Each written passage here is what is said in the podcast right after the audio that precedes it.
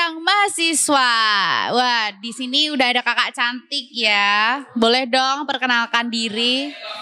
Oke, uh, perkenalkan nama saya Friza Karisma Putri, biasa dipanggil Afriza. Uh, unitnya dari Universitas Negeri Yogyakarta. Oke, dari UNY ya, berarti sama kita. Oke, pertanyaan selanjutnya, uh, UNY dari prodi apa nih, Kak? Uh, kebetulan saya dari prodi pendidikan kimia. Pendidikan kimia itu berarti masuk di fakultas apa ya? Uh, fakultasnya kebetulan di UNY itu masuknya fakultas FMIPA gitu. Oke, okay, FMIPA ya berarti uh, oke, okay, langsung aja. Culture di fakultas FMIPA sendiri tuh gimana sih Kak? Boleh diceritain dong? Uh, fa untuk culture fakultas FMIPA dari Universitas Negeri Yogyakarta itu gimana ya kayak orang-orang itu biasanya bilangnya tuh kayak fakultas muslimah IPA gitu. Waduh, fakultas muslimah IPA ya teman-teman. Gimana ya? Gimana gimana ceritain Jadi, dong. Uh, depan FMIPA itu kan masjid gitu. Mm. Terus juga uh, karena ilmu IPA ya, ilmu iya, sains, gitu. Kan. gitu. Jadi kayak uh, kayak mempelajari alam semesta terus kayak uh, fenomena fenomena fenomena alam gitu kan jadi mereka tuh kayak jadi lebih tahu kuasa Tuhan oh gitu, gitu. lebih jadinya lebih religius iya makanya lebih religius dan kayak wow ternyata emang ciptaan Tuhan tuh seperti ini gitu iya, ya okay. sangat Oke okay, oke. Okay. Berarti culture yang ada di Fakultas IPA tuh seperti itu ya teman-teman, lebih religius dan orang-orangnya pasti emang lebih ambis juga bisa ya. Uh, Kalau ambis gimana ambis, nih? Masalah ambis itu tetap personal ya. Oh tetap personal. itu enggak nggak bisa kayak FMIPA pasti ambis nih kayak enggak juga. tutup buku semua gitu. Enggak, enggak kok kita juga asik juga sering uh, komunikasi kayak nggak ansos gitu kayak jadi lebih juga sering main main bareng kayak gitu. Oke. Okay.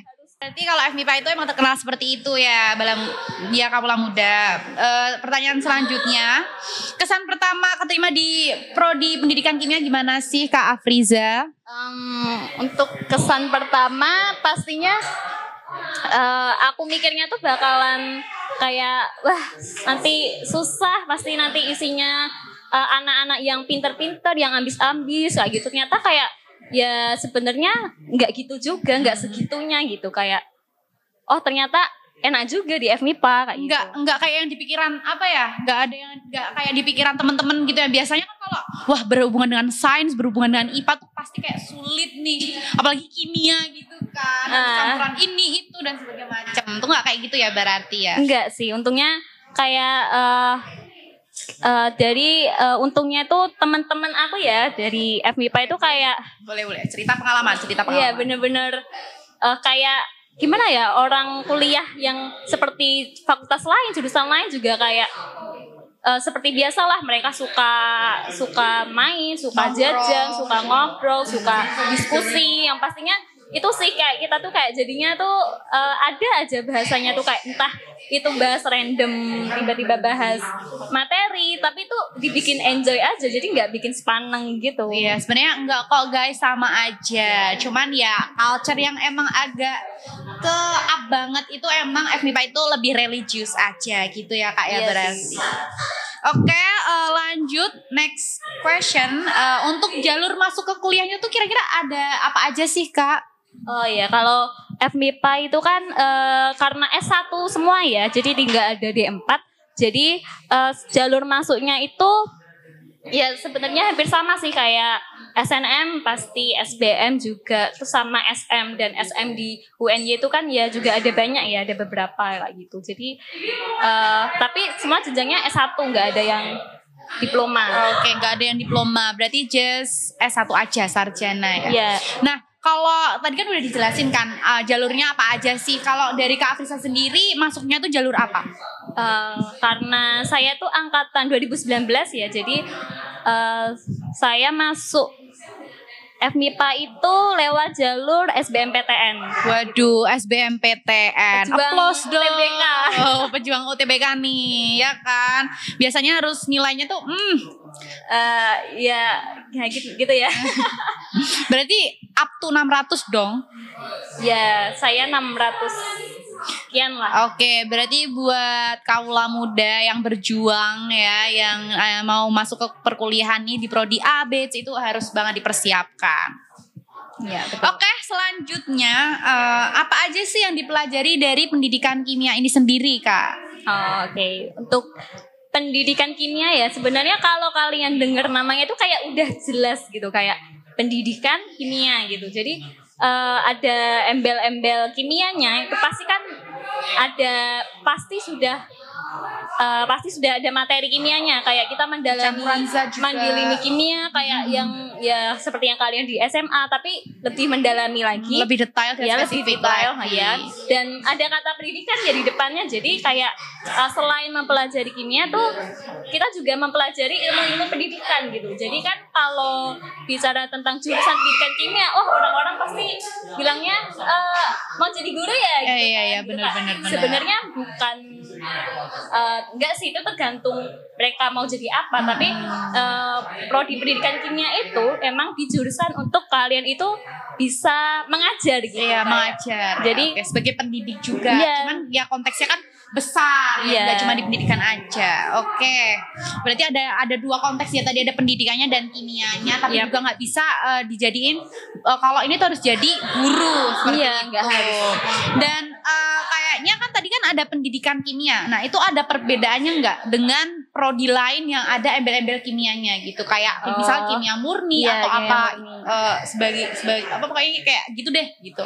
Oh ya, kalau di FMIPA UNY sendiri itu kan eh, emang untuk jurusan itu kan pendidikan kimia, tapi di dalam jurusan itu tuh ada dua prodi. Jadi dalam jurusan pendidikan kimia itu ada prodi kimia, kimia murni dan pendidikan kimia. Nah, eh, bedanya itu apa sih? Bedanya tuh kayak kalau kimia murni itu mereka ya kayak kimia aja kayak langsung mempelajarinya tuh kimia langsung detail terus kayak lebih bertingkat gitu kalau kimianya. Kalau pendidikan kimia tuh ya kita mendalami kimia tapi nggak sampai yang sampai yang Kompleks gitu ya. kompleks bertingkat sampai harus tahu Ini. semua kayak gitu kan. Jadi karena kita kan harus mempelajari pendidikan juga gitu. Jadi bedanya yang kimia itu tidak mempelajari pendidikan.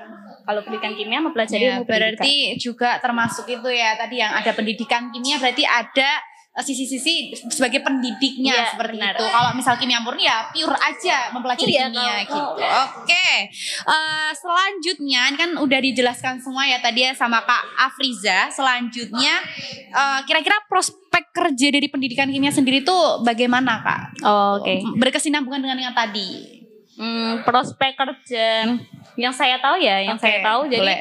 Selain utamanya adalah guru gitu kan karena kalian eh, kuliah pendidikan kimia itu ya eh, fokus utamanya di situ. Selain itu tapi kalian juga bisa untuk ke ker- eh, ke profesi yang ke kimia gitu. Jadi eh, pendidikannya kalian sampingkan gitu.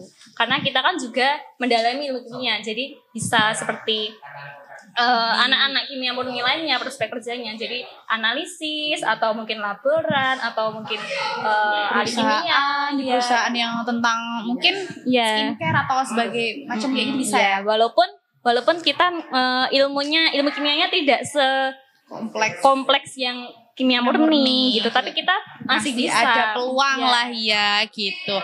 Oke, tadi dari uh, ini aku simpulin ya dari ta- dari uh, prodi apa, fakultasnya masuk di apa tadi udah dijelaskan juga prodi kimia ya.